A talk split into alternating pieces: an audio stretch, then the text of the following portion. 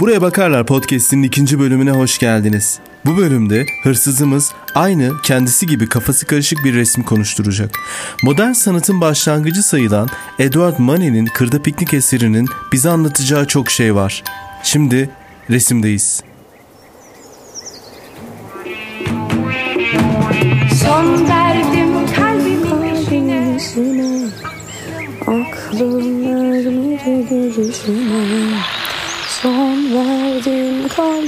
içine Olmaz olsun onun aşkı sevgisi de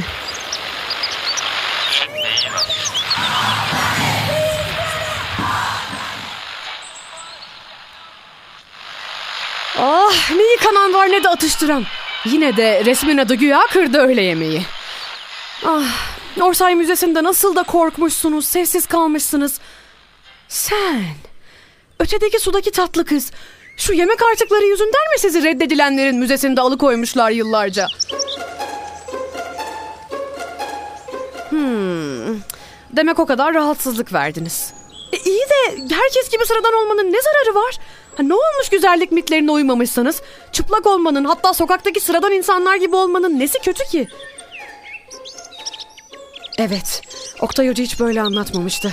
Hep senin şu çıplaklığını es geçmişti. Hatta kocam, ni- nişanlım, yani eski nişanlım. Onu senden fena kıskanmıştım. Çırılçıplak bir kadının gözlerini ona dikmesine nasıl dayanabilirim ki? Neyse, şimdi sizi kiminle konuşturacağım? Hırsızımız hocasını tekrar aramıştı. Ama hocası kuralcı üslubunu hiçbir zaman bozmamıştı. Her zaman olduğu gibi kızın anlattıklarının hiçbirini dinlememişti. Ama kızın gözden kaçan ruhi bir özelliği vardı. Aynı Edward Money gibi ben gördüğüm şeyi resmederim. Başkalarının görmek istediği şeyi değil derdi.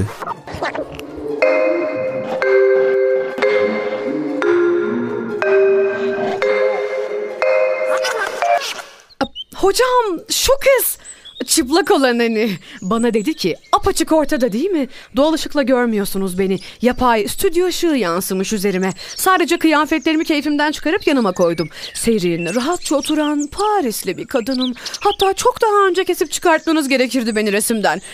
Baksanıza koyu gri gölgelerimle neredeyse ana hatlarım bile çizilmiş. Bakıyorum size. Kesin koparın beni.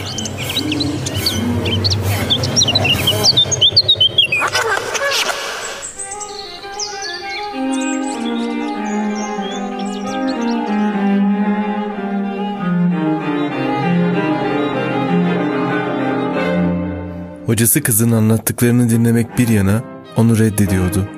Aynı Manet'in yaşadığı gibi o da reddedilmişti artık. Düşlerinle gerçeği karıştırmışsın. Hatalarını doğru sanıp gerçekle yer değiştirmişsin. Şu nikah öncesindeki sorun... Hocam siz de dünyayı olduğunuz gibi görüyorsunuz. Olduğu gibi değil. Bakın burada iki beyefendi var. Onlar da konuşmak istiyor. Doğru ya. İki adam daha vardı tabloda. Evet neyse. Konuşsun, konuşsunlar. Daha ne duyacaksam. Diyor ki bazen işler istediğiniz gibi gitmez. Sebebi değer yargılarınızdır. Neden? Çünkü dünyayı değerlerinizle görürsünüz.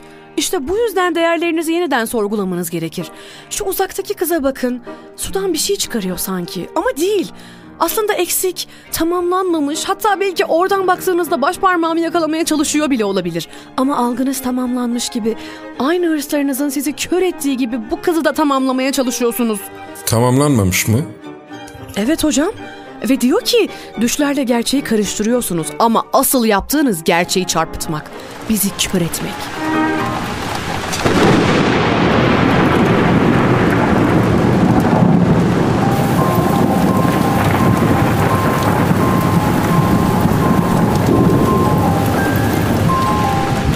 Hikaye odur ki tanrılar tanrısı Jüpiter'in şimşekleri hışımla etrafına saçtığını gösteren devasa bir resim 1800'lerin Fransa'sının en ünlü ressamlarından birinin duvarını süslermiş.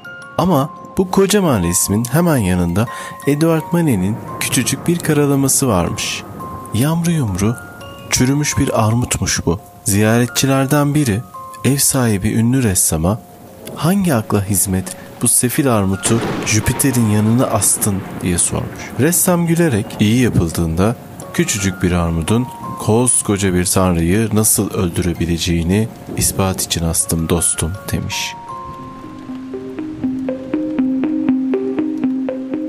Tablodaki erkekler modern kıyafetleriyle aşırı giyinikler ama kadın çırılçıplak. Hem de sanki diyetisyene ya da güzellik merkezine gitmesi gereken biri gibi. Ama bu resim idealize edilmiş dünyaya kaçışın resmi değil. İki yüzlülüğün perdesini indiren, modernliği sorgulatıp seyirciyi de içine alan bir resim. En önemli konusu işte bu. Artık baş kahraman biziz. Çünkü resmin ortasındaki kadın hiç istifini bozmadan doğrudan size bakıyor ve sizi de bu resme çağırıyor.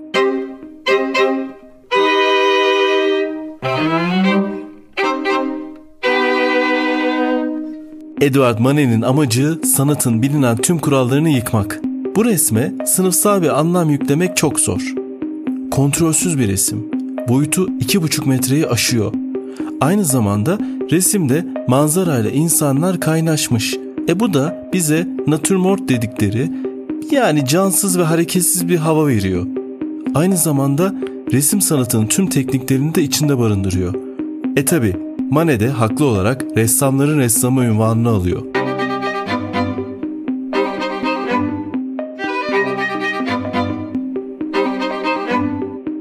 İnsanlar resmi 1863 yılında ilk gördüklerinde ne düşüneceklerini bilememişler. Tabi hikayesi olan bir resim her zaman daha cazip gelmiştir. Mane de bunu biliyordu tabi ama bu resmin hikayesi yoktu veya karışıktı. İlk bakışta anlaşılmıyordu. Bir manzara var. Biraz tedirgin edici bir manzara ama. E iki tane giyinik adamın yanında çırılçıplak oturan bir kadın. E bu iki adam bu kadına bakmadan, aldırmadan sohbet ediyor. Yanlarında piknik sepeti var ama kimse umursamıyor. Arkada zaten yarı çıplak bir kadın ne yaptığı bilinmeden orada duruyor nehirden, sudan bir şey almaya çalışıyor. Bir kayık var. Bir tane kuş yukarıda belli belirsiz. Arka plan özensiz boyanmış gibi. Yani kısacası bir hikayeye oturtamıyorsunuz. Tablonun ilk adı bu arada banyoymuş. En azından yani sudaki kadını biraz açıklıyor. Ama sonra Mane resme kırda piknik adını vermiş. Mane bu resimle 1863'te Paris'in en ünlü sergisi salona katılmak istemiş ama reddedilmiş.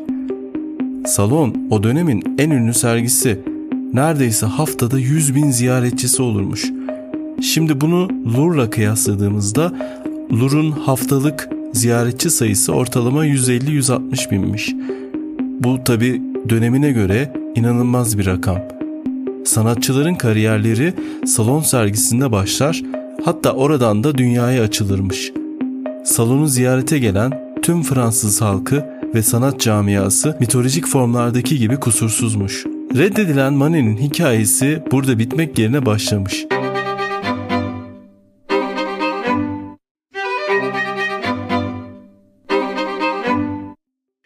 Çünkü aynı yıllarda o kadar fazla resim reddedilmiş ki hükümet reddedilenler için ayrı bir sergi açmak zorunda kalmış. İmparator 3. Napolyon reddedilenler sergisinde kırda öğle yemeği resmin önünde durmuş. Bakmış ve tabii ki her türlü ahlak kuralına karşı gelen bu resmi eleştirmiş. E basın bunu kaçırır mı? Üzerine gitmiş. İnsanlar da resmi görmeye akın akın gelmişler. Ama çoğu Manet'i küçümsemiş, alay etmişler. Serseri ve şarlatan olarak görmüşler. Halbuki Manet çağının bütün ihtişamını yansıtan 19. yüzyıl beyefendisi. Resim yaparken bile oldukça şık giyinirmiş ama içten içe isyankar bir ruha sahipmiş. Üst orta sınıf burjuva bir aileye mensup. Babası yargıç, annesi ise İsveç kralının yakını. Anne babasının hayat görüşleri sağlam ve prensipli ama yaratıcı fikirler yönünden biraz fakirler. Mana gençliğinde derslerde oldukça başarısızmış. E tabi ailesi oğullarının yargıç olmasını istiyormuş. Oldukça da üzülüyorlarmış başarısızlığına. Bir kişi hariç, dayısı. Dayısı albaymış ama aynı zamanda amatör bir ressammış. Tabi Manet'in yeteneğini sezmiş ama elinden gelebildiğince yardımcı olabilmiş. Eninde sonunda Manet'i ailesi askeri okula göndermiş. Askeri okulda geçen yıllarında derslerinde tabii ki başarısız olmuş. Hiçbir sınavı da geçememiş ve mecburen ailesi o dönemin ünlü ressamlarından Couture'un atölyesine yollamak zorunda kalmış. Kutur'dan aldığı eğitim de aslında çok umrunda değil Manet'in. En büyük dünyası ve öğrenim yeri okulu Louvre Müzesi'ymiş. Müzenin akşam derslerine gider, eski ustaların tüm ünlü resimlerini kopya edermiş. Hem de günlerce durmadan. Mane geçmişin takıntılarından kurtulmak istiyor. O yüzden bu kadar fazla kopyalıyor. Evet, müthiş ressamların müthiş eserlerini biliyor, kopyalıyor ama aslında kafasında sadece bir şey var. O da o anki dünyayı yani kendi dünyasını resmetmek, gördüğünü resmetmek. Mane modern hayatın ressamı olmak istiyor. Modern kıyafetlerle figürlerini resmederken aslında biri kayınbiraderi, diğerisi küçük kardeşi. Resmin tam ortasındaki 18 yaşındaki model Victorine.